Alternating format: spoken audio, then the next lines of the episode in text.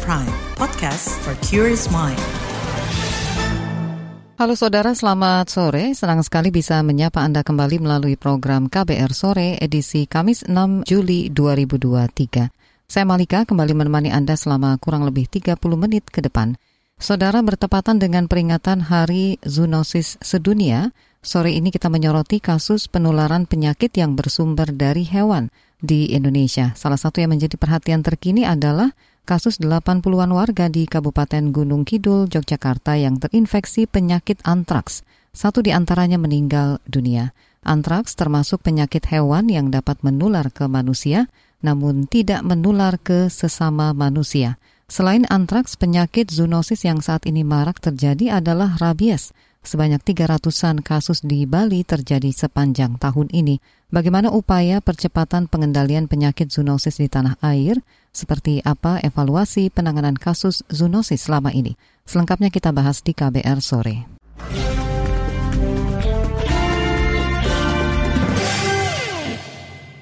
Kementerian Kesehatan berkomitmen menguatkan surveillance untuk melacak setiap warga yang positif antraks agar dapat diobati dan dirawat di rumah sakit. Penelusuran kasus antraks dilakukan terhadap warga yang mengonsumsi daging ternak terinfeksi antraks maupun yang tidak untuk melihat faktor resiko.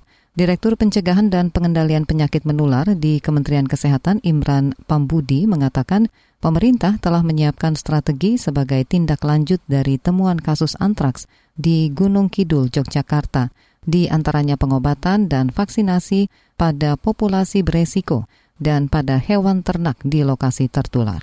Nah, kemudian apa yang akan kita lakukan atau rencana tindak lanjutnya? Pertama adalah kita perlu meningkatkan kapasitas sumber daya manusia, terutama untuk nakes dan nakes manusia dan nakes hewannya di dalam penanganan kasus antraks. Karena dari audit yang kita lakukan, penyelidikan yang kita lakukan itu sepertinya memang vaskes-vaskes di sana perlu lebih aware ya bahwa dengan gejala-gejala yang ada itu kita harus aware bahwa itu adalah antraks.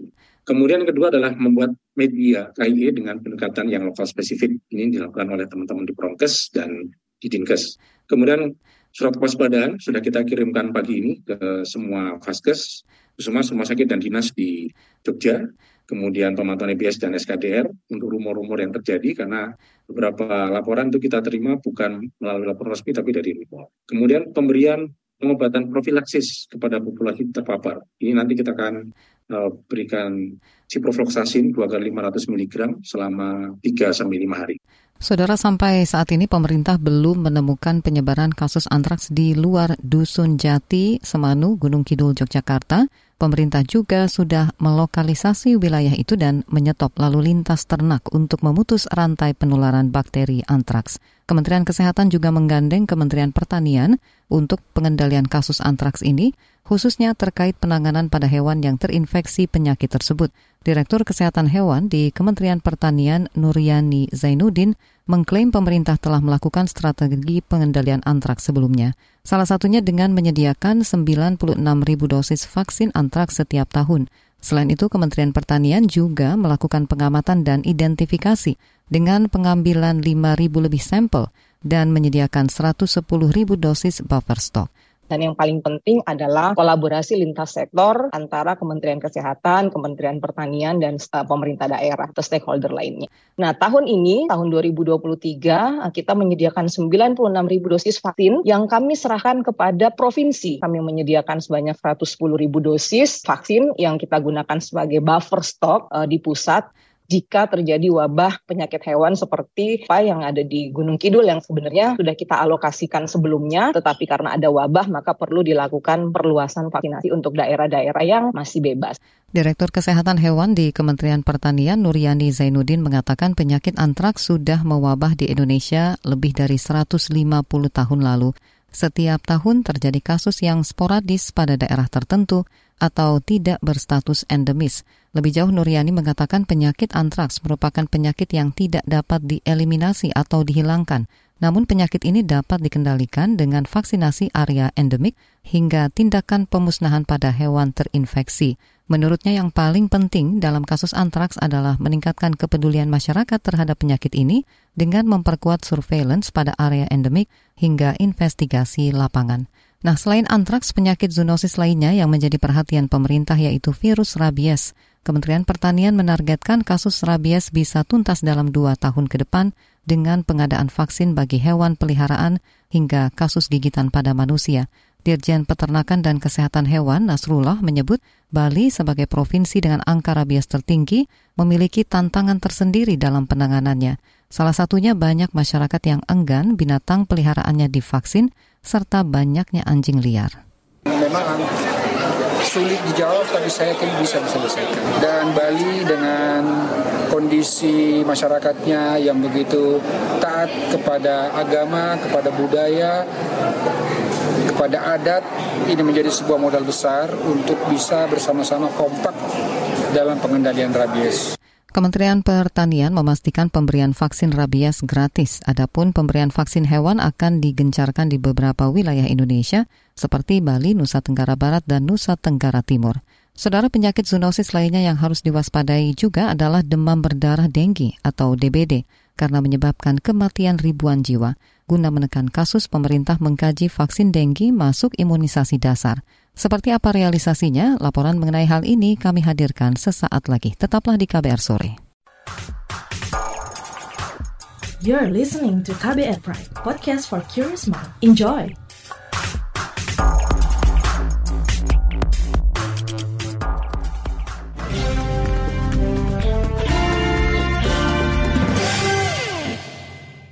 Saudara ribuan orang meninggal akibat demam berdarah denggi sepanjang tahun lalu. Pemerintah berupaya menekan jumlah korban, salah satunya lewat pemberian vaksin denggi. Vaksin ini rencananya akan dimasukkan dalam program imunisasi dasar. Efektifkah langkah pemerintah mencegah DPD? Selengkapnya simak laporan khas KBR disusun jurnalis Ardi Ridwansyah. Kasus demam berdarah denggi DBD cenderung naik selama 2021-2022. Pada 2021, kasus mencapai 70 ribuan sedangkan di 2022 meningkat menjadi 140 ribuan. Dari jumlah tersebut, ada lebih 700 orang meninggal pada 2021 dan 1.200-an orang meninggal pada 2022. Tercatat 63 persen kasus kematian akibat DBD menerpa anak usia 0 hingga 14 tahun. Secara geografis, kematian akibat DBD paling banyak terjadi di Jawa Barat, Jawa Tengah, Jawa Timur, dan Sumatera Utara. Direktur Pencegahan dan Pengendalian Penyakit Menular Kementerian Kesehatan Imran Pambudi mengatakan, menilik dari data tersebut, pemerintah menyiapkan pencegahan serta penanganan DBD di Indonesia salah satunya melalui vaksin DBD. Menurut Imran, saat ini sudah ada dua vaksin DBD yang sudah mempunyai izin edar dari Badan Pengawas Obat dan Makanan BPOM. Rencananya, vaksin DBD bakal menjadi program imunisasi dasar. Namun sebelum itu Kemenkes masih perlu mengkaji lebih dahulu terkait dengan vaksin ini, meskipun sudah ada izin edar dari BPOM, tetapi kami secara program ya bekerjasama dengan Direktorat Imunisasi masih melakukan kajian-kajian. Kalau di, kalau ditanya apakah akan dibuat program, maka tadi kita masih buat kajian-kajian bersama dengan Itagi, dengan expert ya, dan juga dengan tim dari Direktorat Imunisasi, apakah vaksin ini memang uh, bisa kita buat menjadi program. Imran mengimbau masyarakat melakukan pemberantasan sarang nyamuk PSN sebab virus DBD dibawa melalui medium nyamuk Aedes aegypti. Giat PSN mencakup menguras tempat yang berpotensi terdapat jentik nyamuk seperti vas bunga atau bak mandi, menutup rapat penampungan air serta mendaur ulang barang bekas. Imran tak menyarankan masyarakat menggunakan metode fogging atau pengasapan guna memberantas nyamuk, sebab hal itu bukan hanya membasmi nyamuk serta jentiknya, melainkan juga mematikan hewan peliharaan seperti ikan. Karena itu, Kemenkes meminimalkan penggunaan fogging. Pencegahan serta penanganan penyakit DBD tidak hanya dilakukan Kementerian Kesehatan, namun juga lintas kementerian seperti Kementerian Dalam Negeri. Pada April 2020, Tito Karnavian telah mengeluarkan surat Menteri Dalam Negeri tentang pencegahan dan pengendalian penyebaran penularan penyakit DBD kepada seluruh gubernur. Menurut salah satu pejabat Direktorat Jenderal Bina Pembangunan Daerah Kemendagri, Budiono Subambang, hal tersebut sebagai bentuk dukungan dalam pencegahan serta pengendalian DBD kala masa pandemi COVID-19. Bagaimana kita berupaya kebijakan percepatan bebas dengue. Nah, supaya kebijakan nasional ini juga sinkron dengan kebijakan pemerintah daerah, baik di provinsi maupun di kabupaten kota, maka kita melakukan sinkronisasi dan harmonisasi uh, yang dilaksanakan setiap tahun ya. Jadi melalui rapat koordinasi teknis perencanaan pembangunan daerah. Menilik data Kemenkes, Jawa Timur menjadi salah satu provinsi dengan kasus kematian terbanyak akibat DBD selama 2022. Dalam data itu ada 151 orang meninggal akibat DBD di Jawa Timur. Di Banyuwangi misalnya, terdapat 8 orang meninggal akibat DBD selama 2022. Kepala Dinas Kesehatan Banyuwangi, Amir Hidayat mengatakan, terdapat 290 orang terjangkit DBD di sana. Angka tersebut meningkat ketimbang 2021 yang tercatat 90-an pasien. Di tempat penampungan air yang pada saat hujan itu menjadi suhu yang optimum untuk perkembangan Aedes aegypti.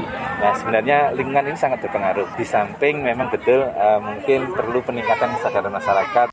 DBD tidak hanya menyebar di Pulau Jawa namun juga ke Kalimantan Timur, salah satunya di kota Balikpapan. Dari Januari 2023 hingga kini, tercatat ada 1.400-an kasus DBD. Kepala Dinas Kesehatan Kota Balikpapan, Andi Sri Juliarti, menjelaskan mayoritas pasien DBD merupakan anak-anak.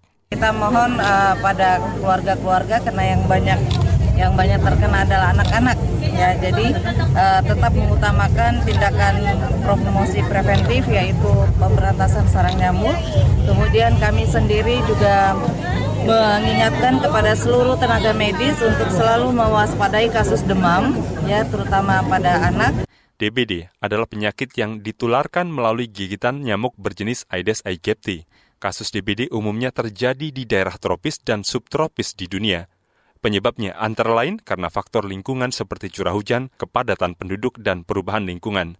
Gejala penyakit DBD yakni demam tinggi hingga 40 derajat Celcius, sakit kepala, nyeri otot, tulang atau sendi, mual, muntah, sakit di belakang mata, kelenjar, bengkak, hingga ruam. Demikian laporan khas KBR, saya Sindu Darmawan. Saudara masih menyoal kasus penularan penyakit yang bersumber dari hewan atau zoonosis di Indonesia. Terkait upaya pengendalian kasus antraks, pemerintah Provinsi Yogyakarta meminta Pemda Kabupaten Kota mengawasi lalu lintas hewan untuk mengantisipasi penularan penyakit. Terlebih kasus antraks di DIY terus berulang tiap tahun. Bagaimana pengawasan pemerintah daerah dan DPR RI untuk mengendalikan kasus antraks juga rabies yang kembali marak tahun ini? Kami hadirkan informasinya sesaat lagi, tetaplah di KBR sore. You're listening to KBR Pride, podcast for curious mind. Enjoy!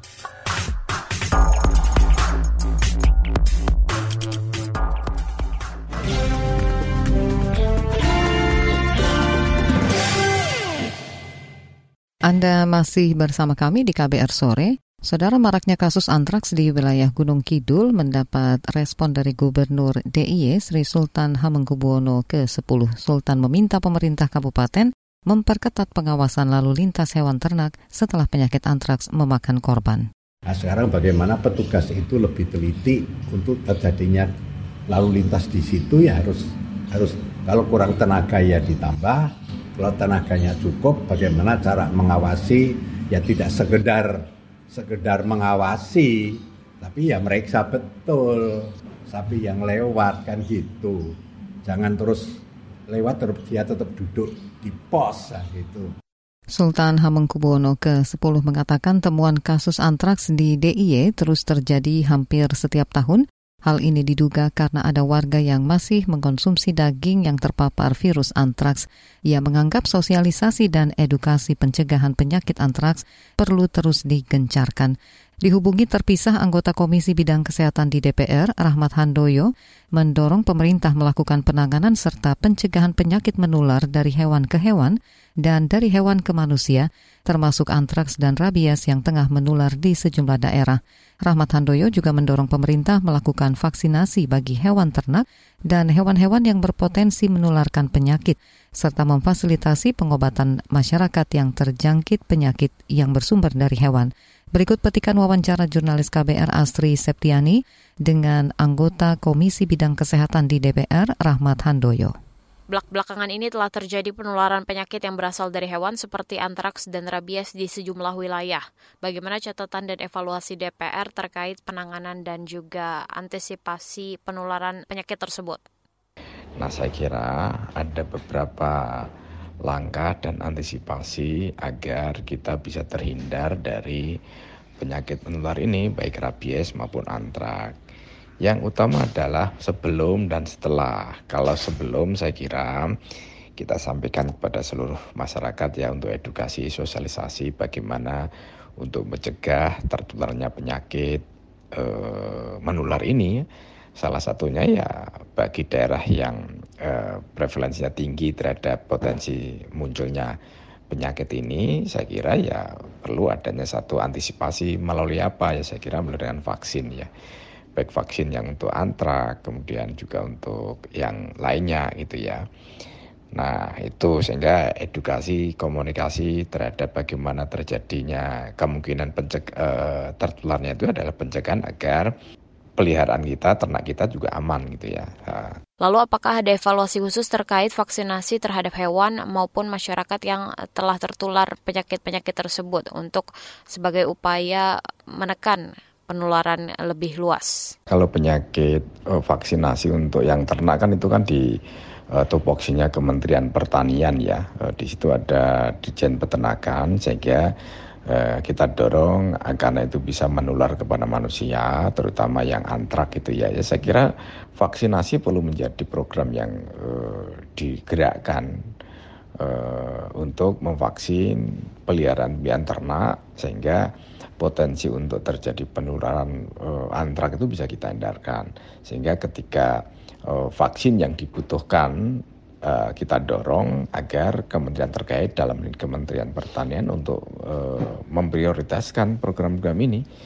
Uh, sehingga karena kalau uh, ternak kita sudah kena antrak itu kan yang rugi kan ada dua ya dari dari sisi usaha ternak kita juga mengalami kerugian juga potensi kerugian kita adalah warga masyarakat yang ter berpotensi kena kan juga menimbulkan uh, masalah sehingga harus kolaborasi ya kalau dari sisi peternakan dirjen ternak untuk menyiapkan vaksinasi di sisi peternakan sedangkan Eh, Kementerian Kesehatan menyiapkan vaksinasi untuk dari sisi manusianya atau masyarakatnya ya.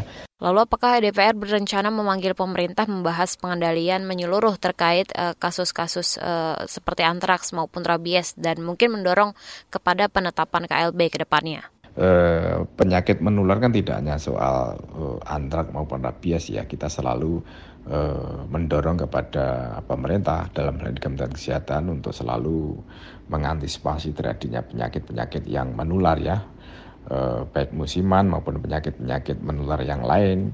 Itu seperti antrak, rabies itu agar kita yang pengendalian atau antisipasi saat ini adalah bagaimana kurang apa namanya preventifnya itu ya. Apakah mana yang perlu pengadaan untuk vaksin mana pengadaan untuk yang kuratif obat itu harus kita siapkan yang penting juga harus masyarakat mengenali apa tanda-tanda kena penyakit eh, menular baik itu rabies penyakit antrak maupun penyakit yang lain itu tadi wawancara jurnalis KBR Astri Septiani dengan anggota Komisi Bidang Kesehatan di DPR Rahmat Handoyo. Apa saja usulan epidemiolog agar pemerintah dapat mempercepat pengendalian kasus antraks dan rabies di tanah air? Informasinya hadir sesaat lagi. You're listening to KBR Pride, podcast for curious mind. Enjoy!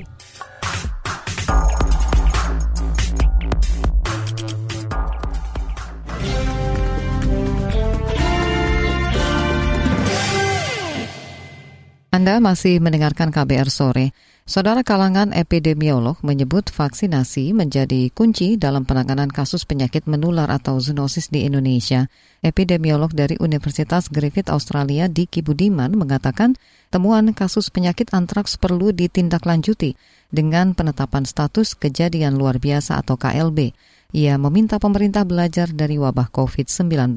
Selengkapnya simak wawancara jurnalis KBR Hoirunisa dengan epidemiolog dari Universitas Griffith Australia Diki Budiman.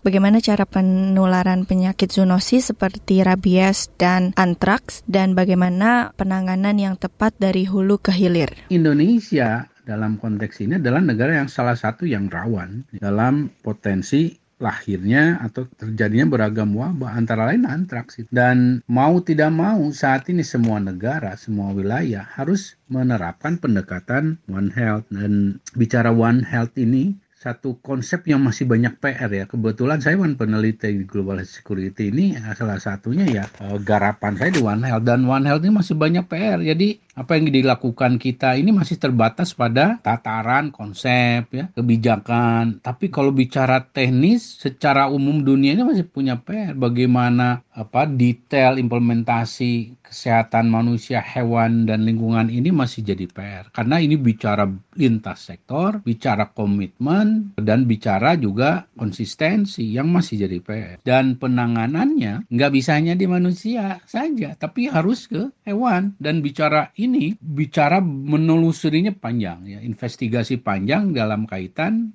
e, sumber dari antraks ini yang biasanya ada di tanah. Nah, ini yang menjadi e, PR tidak mudah ya dan sekali lagi adanya kasus antraks ini harus jadi benar harus jadi KLB ya untuk di lokasi itu untuk e, emergensi sehingga bisa ditelusuri sampai dinyatakan jelas. Bagaimana evaluasi penanganan zoonosis di Indonesia saat ini? Begitu sangat pentingnya sanitasi hajin di berbagai aspek ya termasuk dalam hal ini uh, konsumsi makan ya dari itu binatang ataupun kesehatan lingkungan ya sekitar itu dan biasakan ketika ada hewan mati gitu misalnya ya ini pesan saya pada publik itu jangan langsung di apa disentuh ataupun diambil dengan tangan telanjang ataupun tidak memakai masker. Sebaiknya bahkan kalau di negara maju ya ada petugasnya. Tapi kalau kita setidaknya pakai masker masker, harus sarung tangan ya dan anak itu harus jauh nggak boleh mengontak itu. Dan termasuk dalam konsumsi daging ya e, biasakan apa pun itu dimasak eh, e, betul ya sampai mendidih itu mati sebetulnya ya. E, dan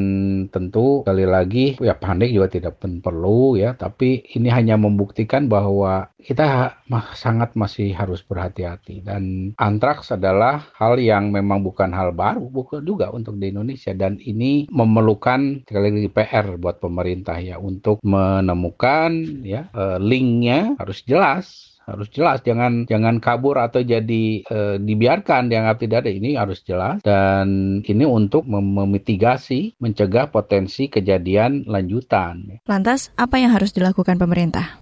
dan mitigasinya dan pencegahannya sekali lagi untuk peternakan uh, kemudian produk-produk hewan ini betul-betul harus dikelola baik ya dan itu melibatkan bukan hanya bicara misalnya oh ini perdagangan ini enggak harus ada yang memahami kesehatannya di situ. Ya di Indonesia terutama PR-nya besar sekali ya karena masih tatarannya masih konsep yang belum jelas ya di, diimplementasi dan belum banyak yang memahami dan ini yang berbahaya. Kemudian eh, termasuk dalam hal ini adalah bagaimana memberikan literasi pada para peternak, pedagang, masalah eh, protektif ya, eh, personal protektif ini. Jadi personal hygiene ketika dia melakukan apa uh, melakukan pekerjaan sesuai peternak maupun pedagang yang kontrak dengan kontak dengan daging itu harus ada dan ini yang masih sekali lagi PR dan sekali lagi Indonesia itu memang tinggal nunggu waktu uh, menjadi pencetus atau mengalami pandemi ya karena kita masih memiliki masalah besar ya dalam uh, praktek One Health ini. Nah, tapi kalau bicara vaksin rabies, kenapa manusia nggak divaksin? Enggak, enggak nggak efektif. Yang penting adalah vaksin rabies pada hewan-hewan. Jadi ini yang penting dan harus dilakukan ya, untuk rabies. E, jadi bukan vaksinasi massal pada manusia, tapi pada hewan khususnya e, misalnya anjing atau kucing. Ya. Nah umumnya kalau bicara diagnosis rabies itu ya dilakukan umumnya setelah kematian karena ya memang telat dan e, biasanya di, di, dikonfirmasi melalui juga apa jaringan otak. Ya. Artinya sekali lagi pencegahan menjadi penting ya termasuk vaksinasi pada hewan peliharaan. Wawancara jurnalis KBR Hoirunisa dengan epidemiolog dari Universitas Griffith Australia Diki Budiman menutup jumpa kita di KBR Sore edisi Kamis 6 Juli 2023. Pantau selalu informasi terbaru melalui situs kbr.id, Twitter kami di @beritaKBR, serta podcast di alamat kbrprime.id. Saya Malika bersama tim yang bertugas undur diri. Salam.